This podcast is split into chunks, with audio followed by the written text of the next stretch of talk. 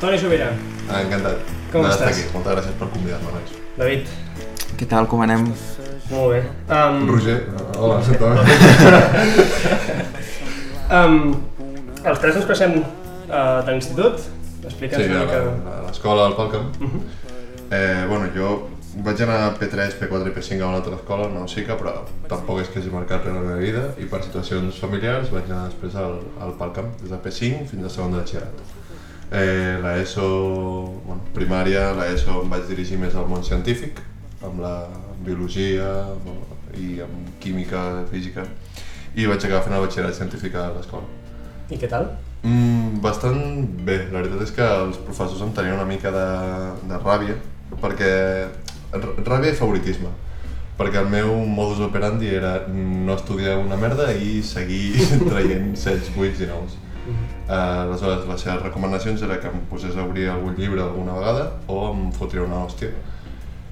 Uh, I això va, va, al final va passar. Va passar, la i l'hòstia va passar a la universitat. Sí, eh, va ser una cosa que no m'esperava, perquè la primer, primera carrera va ser una mica un tercer batxillerat, per això ho explicarem una mica després. Vale. Eh, però no m'ho esperava i vaig dir, hòstia, les meves notes han baixat dràsticament, així que m'hauria de posar a estudiar. Però sí que jo recordo quan tu i jo anàvem junts a classe que Mm. sempre estaves eh, dibuixant, eh, tot i que el professor estigués explicant, i tot i així t'enteraves del que deien i tot i així aprovaves. Sí, Eh. sí, eh, no, no, de veritat, no sé com ho feia, però mm, el professor es dedicava a explicar, jo em dedicava a fer el que em donava la gana, que podia ser organitzar-me el calaix, que mai estava organitzat, eh, ordenar-me la carpeta, que mai estava ordenada, o fer els deures de la classe posterior. I quan el professor preguntava alguna cosa, doncs jo era el primer a aixecar la mà, o si me la preguntava directament a mi, li podia respondre fàcilment. I professors com Joan Cervera, del que crec que ja vau parlar amb el podcast. Bueno, Cervera no va sortir, però sí, el Cervera. Bueno, el Cervera o Marta Vila. Sí. Sí. Eh, professors que el, el, el, els agradava intentar-me fer-me patir i tot i així els hi sortia el, el tir per la culata. jo ho sento per ella, un, un, Um, parla, sí, parles una mica això de, dels dibuixos, que dibuixos. sempre, ha sigut, sempre he tingut molta enveja perquè jo, també dibuixo i jo m'esforço molt. Però crec que és una competició bastant sana, en el fons. És una competició sana entre tu i jo, però tu ets excel·lent, ets molt no bo. sóc excel·lent. Ets molt bo. eh, porto dibuixant des dels 3 anys i el... O sigui, vas néixer amb un llapis, pràcticament. No? Sí, quan, era molt petit, quan era molt petit el meu pare em, eh, dibuixava els petits animals, perquè jo, a mi sempre m'han agradat els animals, i dibuixàvem animals. I a poc a poc vaig anar practicant, practicant, practicant, i d'això, des dels 3 anys porto dibuixant, he anat alguna vegada a algun curs que tampoc m'ha servit de molt, no m'han ensenyat res que no sàpiga ja, per altres llibres que eh, vaig estar llegint quan era més petit. I mm, això, ara mateix tinc un compte de- d'Instagram de, de dibuixos, el diu d'Ergonauta, D ergonauta és en D en anglès, és D en anglès. punt, punt ergonauta. No? Sí, No. però bueno, eh, tampoc és que jo necessiti molta més promoció perquè no em vull dedicar al, al món del dibuix, del còmic. no, però si algú li interessa, si el, el dibuix Si és una cota... si el volen mirar... és una cota interessant, Exacte. sí, sí. I de fet ara mateix com estem en octubre estic fent l'Inktober Mhm. i vaig fent. Vas Tinc- començar, ahir va ser l'octubre, vas començar ahir. Sí, vaig començar ahir. Eh, Vaig estar fins a les dues de la matinada Dibuixant. intentant un dibuix. és el pitjor que he fet. Bueno, parlem una mica de, Sí, quan, de, de què vas estudiar, com, que, que vas, com vas decidir què estudiar. Um, Eh, eh, de fet va ser una decisió bastant senzilla. Estava a segon d'ESO i vaig dir m'agraden els animals i m'agrada el mar. Per tant, que hauria d'estudiar biologia marina. Eh, vaig dirigir tot el, tot el món de les ciències, a la biologia i a la química sobretot, i el meu avi va conèixer un, un home al- a l'ICM, el doctor Pere Balló, i l'ICM és l'Institut de Ciències del Mar, de, que està aquí a Barcelona, a la Barceloneta, crec. bueno, per allà, però... Eh, I aleshores em va portar fins allà i vaig estar parlant amb aquell senyor i em, em va dir, si tu vols fer biologia marina hi ha dues maneres de fer-ho. O vas per biologia i després t'especialitzes en biologia marina, o vas per ciències del mar, que és la carrera que estic cursant ara mateix, i després t'especialitzes en biologia marina. El problema de la biologia és que solament et centres en la biologia i el problema de ciències de, i la gràcia de ciències del mar és que toques molts altres temes que potser et donen una visió més àmplia i això em va portar, a, també, que la nota de tall era més baixa, Vale, em va sí. portar a fer el, el la- Ciències del Mar. la nota de tall, la selectivitat, com, com la vas viure tu? Molt tranquil, l'únic dia que vaig estudiar per la selectivitat va ser el dia anterior, em vaig vaig, em, em vaig veure quatre Monsters i crec que vaig dormir poc aquella nit. Eh, no vaig fer una selectivitat brillant, la veritat va ser de... Alguns dels exàmens van ser els pitjors que he fet en la meva vida, però tot i així vaig sortir tranquil, vaig aprovar amb una nota suficient per entrar a la carrera, per tant... És a dir, per la gent que, que vegi que va bé de nota, tampoc... No, o sigui, jo vaig treure un 8 en 8 al batxillerat i tampoc crec que sigui... Primer, no és una cosa de la que xolejar, perquè crec que no ho vaig treballar gens i no estic orgullós d'haver fet el treball que vaig fer al batxillerat. I la selectivitat estic encara menys orgullós del treball que vaig fer aleshores. Però mm, recomano millor eh, treballar en el que va ser el, el, el, el treballar cada dia una mica en les assignatures que tens i després ja eh, currar-t'ho i exactament a eh, Ciències del Mar en què consisteix eh, realment? És, és una bona pregunta, perquè cada vegada que dic faig Ciències del Mar, la gent pregunta això és com una biologia marina? No. Eh, bueno, hi ha dues maneres de dir-ho. Eh, si tu vols que s'apunti més gent a Ciències del Mar has de dir que sí, perquè per una estadística, unes estadístiques que vaig fer jo així de, de tant en tant, eh, més del 75% de la carrera s'apunta perquè vol, perquè vol nedar amb dofins, eh, estudiar taurons i protegir tortugues marines, el qual és molt lloable però no és el que es dona a Ciències del Mar.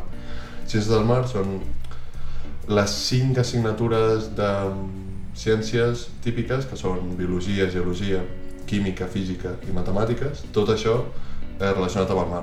També van altres coses com pot ser economia o, legal, o, o dret, però són una assignatura que es dona més, en, més endavant, a segon i a quart, eh, respectivament però és això, és una, és una carrera amb, amb, que té moltes sortides i aprens una mica de tot. Mm -hmm. I, ja. sí, sí, no, anava, anava a preguntar, eh, quines són les coses bones de la carrera que t'has trobat fins ara i les dolentes? Eh, les coses bones de Ciències del Mar, crec que una d'aquestes és aquesta, aquest ventall, que et pots dedicar a la biologia o a la geologia o a les matemàtiques i, i en totes aprens una mica. Eh, també el que sigui un grup reduït és una carrera bastant nova, ara mateix té 6 anys de vida, hi ha dues eh, a, a Barcelona com a mínim, i solament hi ha dues generacions eh, graduades. Per tant, és un grup molt petit, són un, eh, primer, de, eh, primer de grau acostumen a ser unes 70 persones, i és com una gran família, tothom es coneix amb tothom, jo conec gent que ja s'ha graduat i conec gent que encara no s'ha graduat, eh, jo soc dels segons, eh, i aleshores eh, aquest contacte és molt fàcil passar, eh, passar-nos a punts entre nosaltres, ajudar-nos eh, si algú té dificultats, copiar en exàmens és una altra cosa de la que no vull parlar ara mateix. eh, el contacte amb els professors també és molt proper, la majoria de professors et coneixen pel teu nom i el teu cognom i si en algun moment quan arribis al món laboral vols treballar amb ells crec que és molt més senzill. Eh, els professors també són professionals dels seus respectius camps i la majoria han treballat en desenes, si no centenars, de campanyes oceanogràfiques i han anat a l'Atlàntida com a, l'Atlàntida a l'Antàrtida, segueixen a l'Atlàntida, sí, sí, és divertit. Sí, sí. Eh, com han anat a, a, per treballar a Austràlia o a Noruega. Les desavantatges és un grup molt reduït, per tant, et coneix tothom. Mm -hmm. eh, els horaris són els que et toquen, eh, normalment les classes comencen de 3, bueno, eh, això fins, a, fins al coronavirus, però abans eh, les classes començaven a les 3 i acabaven sobre les 7 i totes les pràctiques eren pel matí. Per tant, compaginar-ho amb un horari laboral és gairebé impossible i compaginar-ho amb un horari de eh, fer extraescolars, que suposo que és el tema que parlarem després, també és molt complicat. Es pot fer, però és molt complicat. Mm, eh, perquè quina facultat ho fas? Jo ho faig a la Facultat de Ciències de la Terra, l'antiga geologia, que està a Palau Reial. I és a UB? És UB. UB, és UB. UB. Um, I has dit les temes sortides, que podries treballar amb, amb professors, tu de què t'agradaria? A mi m'agradaria treballar a... Si em hagués de cantar per una de les que hi ha ara mateix, em decantaria per biologia, per zoologia o per botànica, i si no, en química. Crec que és, una, és un món bastant explorat. I bueno, ens has explicat una mica que us coneixeu molt dins, dins la carrera, però mm. amb més detall, com és la vida universitària? T'afecta a l'hora de... en, en el pla d'estudis?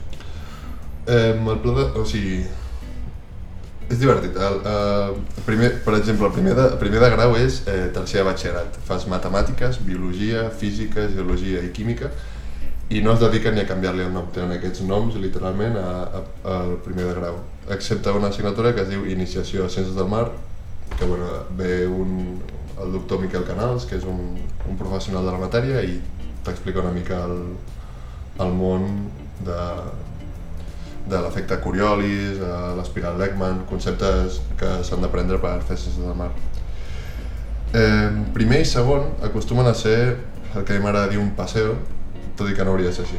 Eh, amb- eh, els meus amics i jo, que els, vam fer, els vaig fer ràpidament, eh, ens, ens dedicàvem més a anar a la, a la bolera de Pedralbes, que està allà a prop de la facultat, que no pas anar a classe, el qual va ser un error per mi perquè vaig acabar suspenent dues assignatures aquell any, però això és una cosa que, que, bueno, que ja he superat i ja estan Ja aprovades. T'has deixat portar molt per la vida universitària, tu? Que...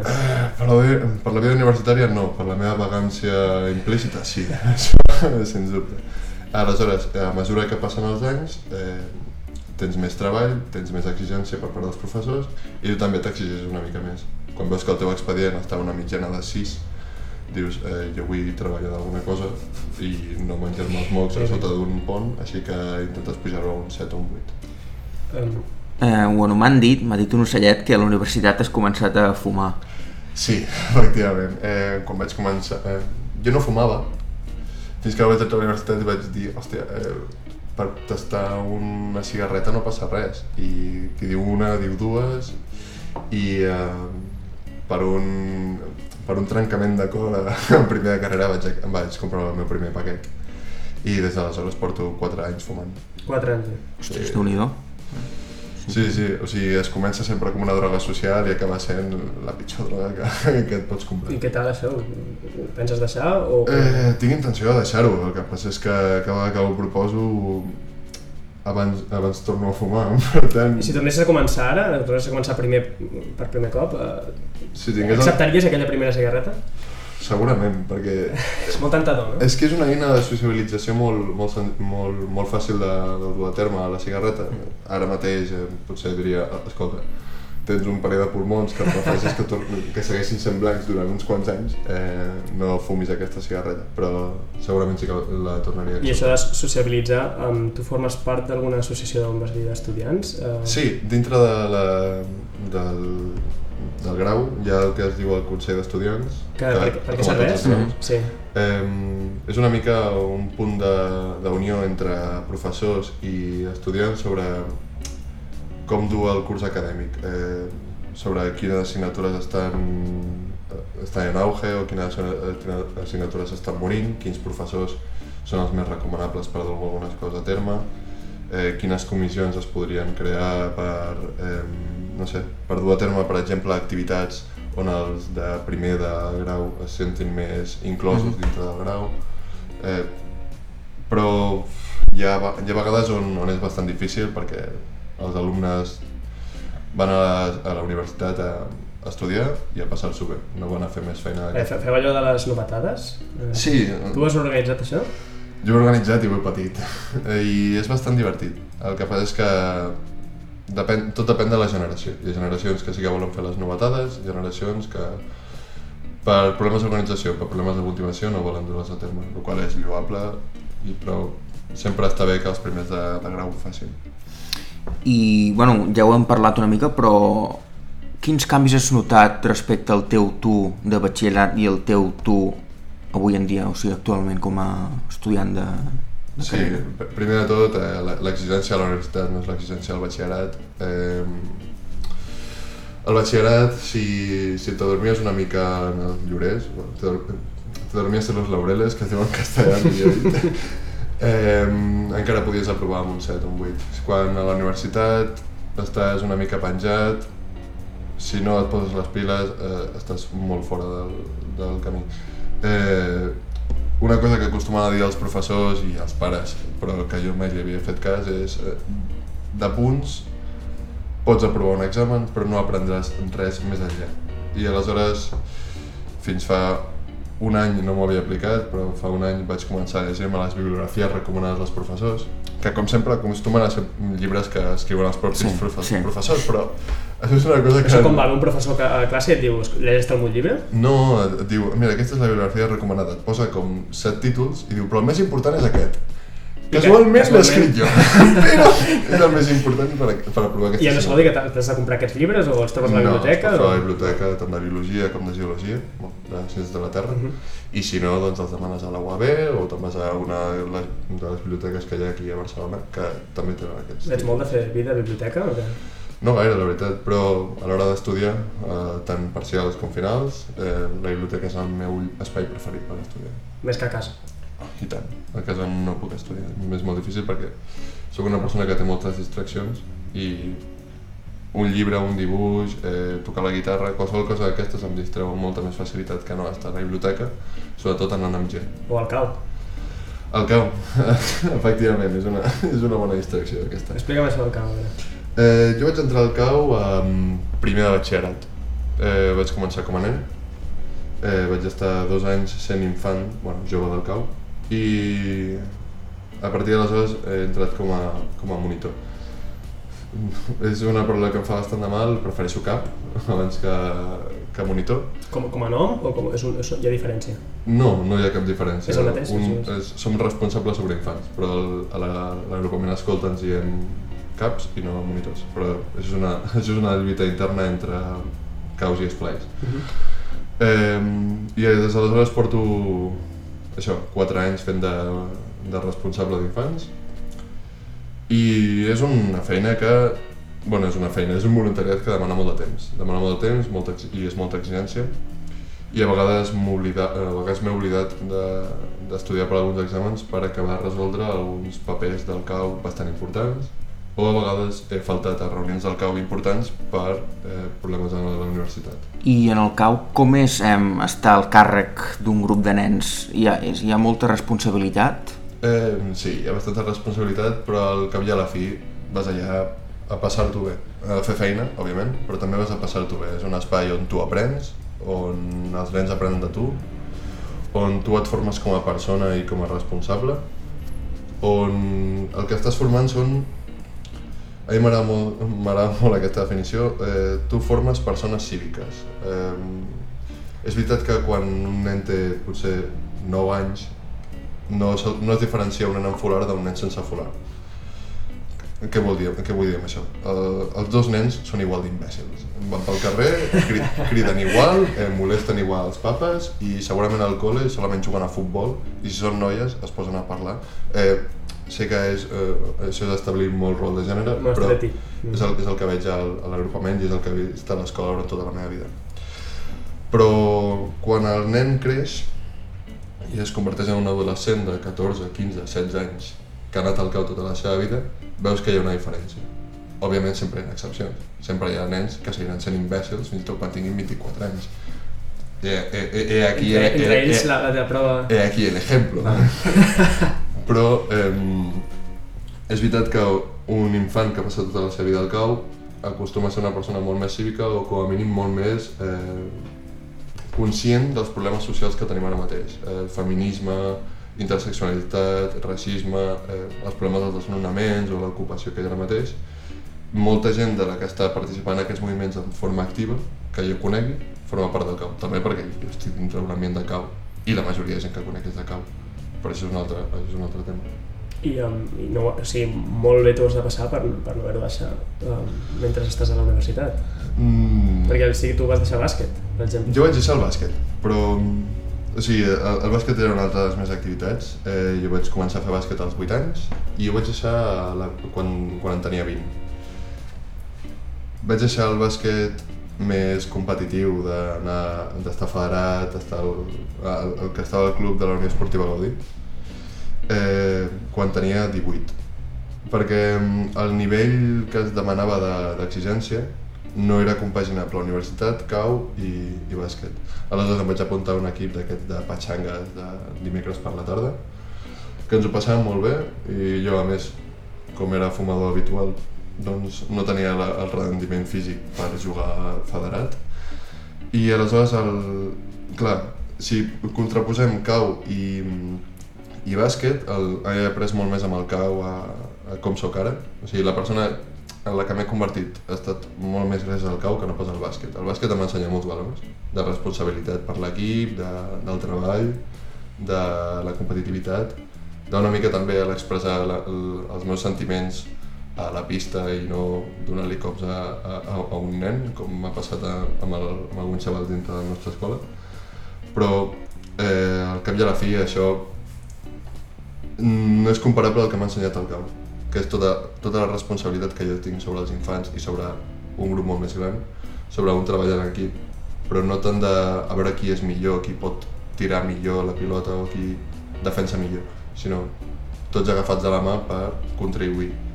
Eh, coherència, una corresponsabilitat, intentar cohesió, unes cures, una educació emocional que ningú més en cap espai de la meva vida m'ha lliurat i crec que com a mínim el CAU és un espai que jo recomano a molts infants, molts joves i molts adults també, però cadascú fa amb el seu ah, sí. temps el que vulgui. Um, trobes a falta fer esport? Eh, hi ha vegades on sí, hi ha vegades on no. Per gràcia divina mai m'he hagut de preocupar pel meu físic eh, i ni la meva forma física. Sempre he estat bastant sa i bastant atlètic sense haver de preocupar-me massa en fer esport. Sí, perquè no veieu el Toni o no el conegueu, eh, té un, té un cos a, a Polini. No, això tampoc és cert. Però mm, eh, sí que hi ha vegades on, on em noto més cansat, sobretot en aquesta etapa de, de fumador que, que estic vivint. Hi ha moments on, per exemple, amb el cau caminem molt, fem molta muntanya, i a vegades noto que, que m'ofego i aleshores dic, potser hauries de fer una mica d'esport, Toni. Però mm, és això, hi ha vegades on sí i a vegades on no, no acostumo a trobar-ho a falta. Perquè m'has dit que feies uh, partits de bàsquet així com de patxangueo. Uh... El vaig, els vaig fer durant dos anys. On, on ho feies, això? Això ho, fèiem en una lliga que es deia la Lliga 3x3, amb un equip que ens dèiem Anticlímax, mm -hmm. érem un grup de, de rapats d'entre 20, no, perdó, d'entre 17 i 25 anys, Eh, com, com ens hem definit abans, eh, érem una colla d'idiotes que la majoria sabien votar la pilota i ens cridàvem una mica mentre anàvem per la pista. Era bastant divertit. I tornant al tema estudis, quines són les teves perspectives de futur en quan, uh, si vols fer algun postgrau, màster... Mm. De fet, eh, a segon de grau vaig anar a una, a una xerrada d'un il·lustrador científic del qual ara no me'n recordo el nom i em fa bastanta ràbia. Eh, i vaig anar bàsicament per, per curiositat. Vaig, i vaig, em va descobrir un món, la, el món de la il·lustració científica. La il·lustració científica com ara a mi dir-ho, dibuixar peixos es dedica bàsicament a eh, aprendre a dibuixar d'una manera hiperrealista tots els aspectes de eh, la natura des de les roques fins a les plantes, fins als animals, fins al propi cos de l'ésser humà. Aleshores, aquest grau, aquest postgrau, de fet, es fa um, al País Basc i a Girona ara mateix solament uh, dintre de la regió espanyola i el meu objectiu és dintre de en un pla de dos anys vista aproximadament poder anar a alguna d'aquestes dues ciutats i cursar-ho amb, amb tota la tranquil·litat. Que el postgrau aquest quan dura? Dura un any. Un any. I M'he mirat el pla d'estudis de, dels dos postgraus, que és el mateix, i és bastant interessant. I m'agrada molt. El que passa és que primer hauré de fer un book, per tant m'hauré de passar eh, un any dibuixant cada dia. Perquè això tens sortida o ho vols només com a, com no, un extra? això teòricament té sortida. Les sortides, tot i que pugui ser bastant divertit, són eh, pintar animals en enciclopèdies i pintar peixos en cartes i menús de restaurants el qual és divertidíssim. Hòstia, tu, tu saps el que dibuixes? El que sí, jo, jo sé el que dibuixa el llenguado. En, en, sí, hi ha la gent que fa les fotos dels plats i després esteu els que feu els dibuixos. Home, i tant. Eh, doncs aquest, aquest. Eh, la il·lustració científica no està molt reconeguda en el món científic. Eh, és obvi, tenim càmeres de fotografia i càmeres de vídeo, qui voldrà eh, contractar un tio que necessita 10 hores per fer el que jo puc fer en 10 minuts. Mhm. -huh. Però si, si recerques més, eh, pots descobrir que el, la, il·lustració, la il·lustració científica t'ofereix algunes coses que la, que la imatge digital no. Com pot ser el centrar-se en alguns detalls, en descobrir eh, algunes parts de, del propi animal o la pròpia planta que amb una, que una fotografia obvia, perquè la fotografia, al cap i a la fi, no et mostra tot el que et vol mostrar a l'ull humà. I aleshores un, una pintura potser tampoc, però si t'hi esforces ho farà. És, molt, és molta més feina i segurament seran més calés a pagar per l'il·lustrador, però al cap i a la fi jo crec que és una feina que, per exemple, l'enciclopèdia de Planeta d'Agostini pot pagar a una persona perquè pinti peixos. O un, o un menú de un- una carta d'un restaurant de la Barceloneta.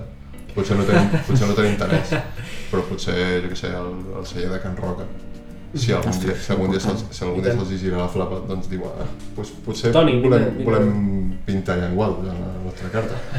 I allà, estaria jo el primer, pintant- molt bé. a, pintant en aquarel·la. Dins l'àmbit cultural i d'oci, eh, vas als, o acostumes a anar al cinema sol. M'agrada bastant anar al cinema sol.